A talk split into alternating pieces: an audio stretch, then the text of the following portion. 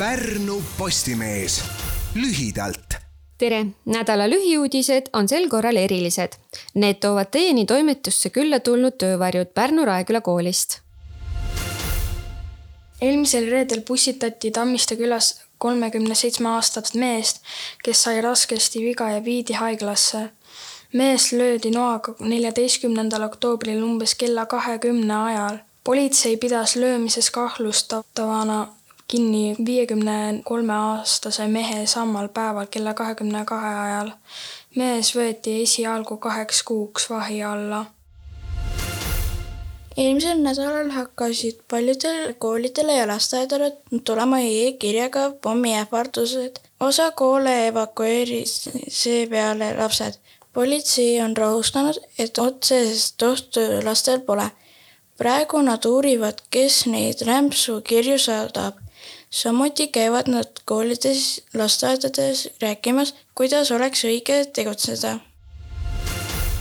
maailma parim kettagolfar Kristin Tatar lõpetas tänavu kahekümnest turniirist kaksteist võiduga. hooaja rahaline noos on kokku tulnud sada kuusteist tuhat kakssada nelikümmend seitse dollarit.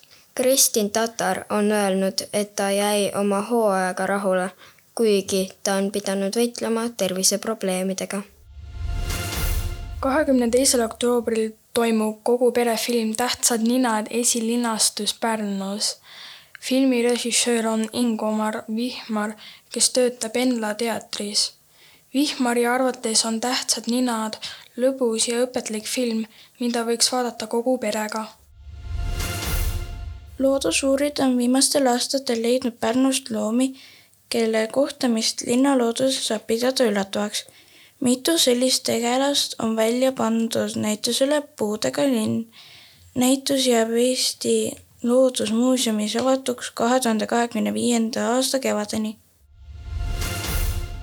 Pärnus Räämal loodi neljateistkümnendal oktoobril tuhande üheksasaja kahekümne kolmandal aastal Nooruse Selts ja sellega pandi algus Nooruse Majale sajanda juubeli tähistamise võttis kokku läinud laupäeval toimunud pidulik galaõhtu. tasub teada, et idee seltsi loomiseks tekkis tegelikult varem, juba tuhande üheksasaja kahekümne esimesel aastal